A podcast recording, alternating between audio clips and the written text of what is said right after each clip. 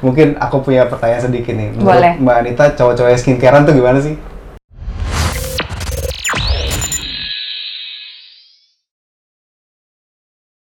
Halo teman-teman entrepreneurs. Hari ini kita lagi main-main di kantornya Mineral Botanica. Pasti udah pada tahu kan, apalagi cewek-cewek nih. Nah, kita juga udah ada eh, Mbak Anita di sini. Eh, aku manggilnya Mbak kah atau Kakak mungkin. Apa aja yang penting muda. boleh boleh aku panggil Mbak aja ya. Boleh, Oke. boleh. Mbak Anita, apa kabar nih? Baik, Baik Mas. ya, alhamdulillah. Semua teman-teman di sini sehat-sehat Sehat, juga sehat, ya. Semoga teman-teman entrepreneurs yang nonton juga sehat-sehat semua nih. Amin. Oke, pertama-tama mungkin kita kenalan dulu kali ya teman-teman sama Mbak Anita. Nah, Mbak Anita kita kenalan dulu nih sama teman-teman entrepreneurs ID. Eh, mungkin boleh cerita sedikit latar belakangnya Mbak Anita dulu kuliah di mana atau sempat kerja di mana gitu. Boleh dong. Boleh banget. Perkenalkan, saya Anita, co-founder dari Mineral Botanica. Jadi memang saya tuh awalnya eh, tinggalnya dulu lama di Amerika. Saya sekolah dan Oke. kerja di sana 15 tahun. Wow. Jadi memang aku tuh pernah kerja di sana sebagai profesional. Saya pernah kerja di beberapa perusahaan besar di, di Amerika. Eh, mungkin kalau sebelum Facebook tuh adanya MySpace ya. Jadi Iya. eh, itu udah ketahuan umur saya. Jadi saya itu dulu kerja di Fox Media, so they own MySpace. So saya tuh kerja dulu di MySpace selama almost 3 years sampai akhirnya di 2020 eh 2010 saya pulang ke Indonesia. Akhirnya saya memulai dan sekarang menjadi co-founder dan juga director of professional mineral botanica. Oh nice. Dulu berarti di US berapa tahun? 15 Aku tahun ya? almost 15 tahun, 15 14 something tahun. 15 tahun iya. Gila keren banget. Nah sekarang aku mau tanya dikit, lebih betah di, di US apa di Indonesia? Eh dua-duanya. Dua-duanya. pengennya jalan-jalan ke Amerika tapi pengennya usaha di sini. Oh gitu. Oke oke oke oke. Nah buat teman-teman entrepreneurs yang pengen tahu mineral botanica tuh apa sih, langsung kita tanya sama Mbak Anita di sini. Mbak Anita mungkin cerita lagi sedikit mineral botanica tuh apa sih? Oke, boleh. Jadi, uh, Mineral Botanica adalah satu brand yang saya dan suami berdua. Sebenarnya, uh, the man behind the brand is my husband. He is the founder. Cuman karena mungkin dia laki-laki dan dia juga nggak mau menjadi face jadi ya terpaksa saya akan saya yang maju aja kata dia. Jadi, memang dia sebenarnya he is the uh, the man behind the brain behind the the brand. Uh, dan kita memang uh, waktu itu karena meneruskan usahanya orang tua saya, saya itu memulai brand kita namanya Mineral Botanica ini. Uh, kita tuh punya visi untuk menjadi satu brand lokal di Indonesia yang menggunai kayak pengennya tuh bahan-bahannya tuh alami, mudah Oke. dan aman karena visi kita itu mempunyai brand uh, brand kosmetik yang memakai bahan-bahan alami dan aman dan yang paling penting itu harus mudah digunakan.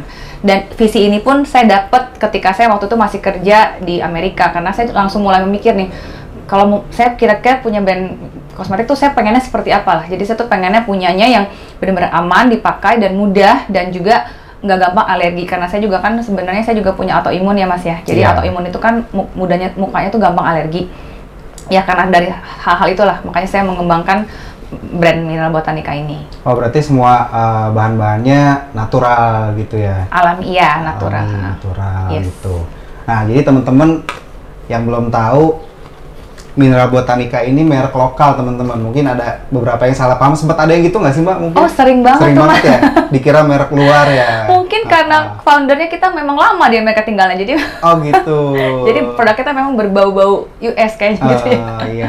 Soalnya aku sendiri dengar namanya kayaknya produk luar, ternyata produk lokal. nah, eh, ngomong-ngomong produk, sebetulnya produknya apa aja sih Mbak? Mungkin fokus ke skincare kah atau make up gitu? Eh, kita lumayan banyak sih range-nya dari kita ada kita punya skincare, kita punya makeup dan even kita punya body care juga yang memang kita baru salah satu barang body care baru kita launching itu eh, parfum ya. Kita baru mulai launching juga EDT di Hmm. tahun 2019. Oh berarti produknya banyak nih ya? Banyak, Ah, ah. ah. produk cowok ada nggak sih? Eh, ada, kita Ada? punya facial foam untuk cowok. Oh gitu. Dan kita eh, punya EDT juga buat cowok. Dan Oh. sebenarnya facial foam kita ini boleh buat unisex sih. Asal jangan pakai lipstick ya, Mas. Oh, mungkin aku punya pertanyaan sedikit nih. Menurut Boleh. Mbak Anita, cowok-cowok skincarean tuh gimana sih? Cowok-cowok boleh nggak sih skin skincarean? Boleh justru tuh ya kalau kita tuh kan karena saya itu kan eh, kalau pengen tahu study trend itu kan saya waktu sebelum pandemik ya saya kan sering jalan-jalan. Kalau di Korea itu cowok-cowok tuh lebih centil daripada cewek loh. Loh. Jadi cowok itu Cantik boleh, ya? iya cowok tuh boleh berskincare, ber, ber, ber- apa take care of your skin tuh boleh banget. Hmm. Apalagi kadang-kadang cowok tuh kan yang apalagi aktif di luar, panas, keringetan apa Ya. segala macam kan, muka juga kadang mungkin minyakan gitu kan. Jadi boleh banget cowok itu berskincare dong. Tuh, teman-teman, cowok-cowok skincarean. nah, eh, Mbak Anita mungkin aku tanya lagi tentang produknya. Jadi, Boleh. eh, produknya tuh research sendiri kah atau punya pabrik sendiri kah gitu? Mungkin boleh diceritain sedikit. Oke, kebetulan memang kita ini pabrik sendiri karena memang pabrik ini dari orang tua saya yang sudah berdiri dari tahun 80-an ya. Jadi Oh, udah, udah lama almost ya, iya udah lama banget, tapi memang selama papa saya dan ibu saya itu almarhum papa saya eh, tepatnya eh, kita lebih ke contract manufacturing. Jadi belum punya brand Hmm. sendiri. Memang karena at that time ya em, orang lokal Indonesia juga belum begitu trust sama brand lokal ya. Iya. Kira-kira seven years ago. Jadi memang Pak ayah saya juga mereka belum pernah punya brand sendiri. Jadi kita cuma uh, manufacture brand buat orang-orang.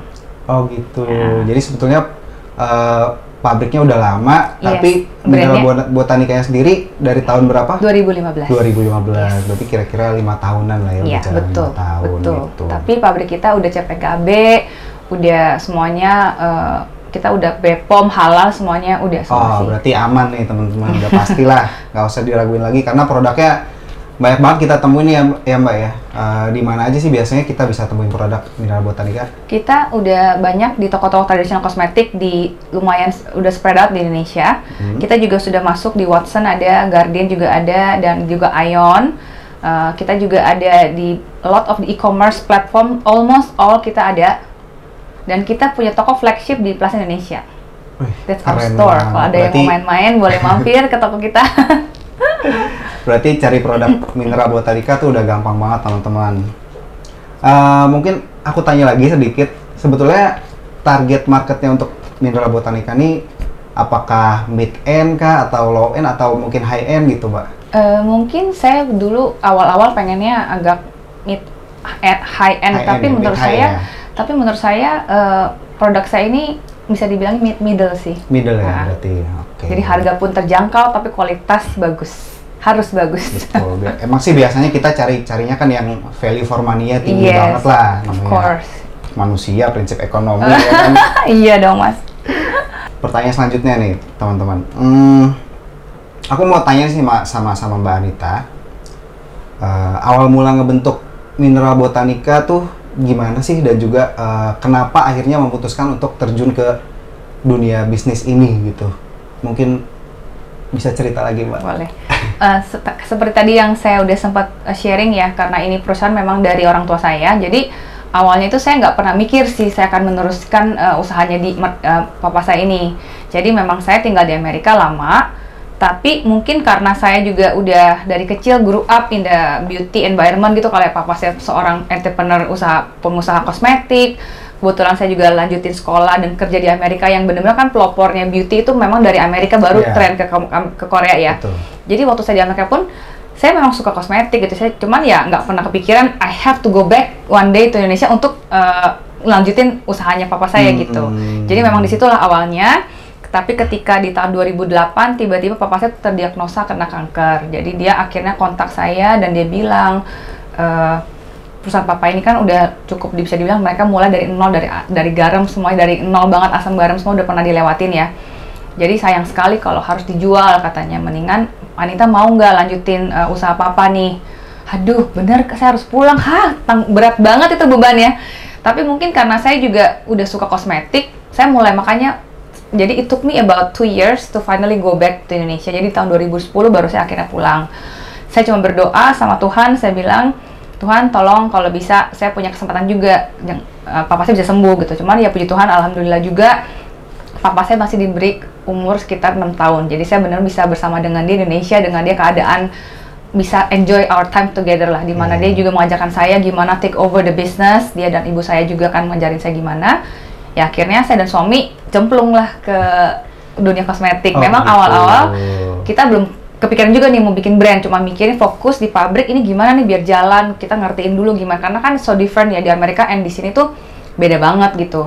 Tapi ternyata setelah suami saya cemplung full ke dalam pabrik, dia bilang sama saya satu hari, "Beb, kayaknya we have to have our own brand deh kalau kita bisa mau survive dan kita mau pabrik itu bisa benar-benar uh, besar ya kita harus punya own brand kita jadi kita bisa control the everything gitu di, di production di di di, di, uh, di pabrik gitu akhirnya it took us about one year juga untuk mau produknya apa, mereknya apa dan Mira Botanica is not the first brand kita udah berapa kali ganti nih oh. sampai akhirnya tepat di Mira Botanica ini. Jadi itulah awal mulanya kita ngadain apa uh, start this business.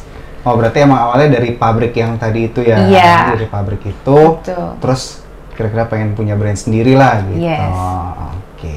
Nah penasaran kan kelanjutannya? Kamu bisa nonton versi lengkapnya di YouTube channel Entrepreneurs Indonesia.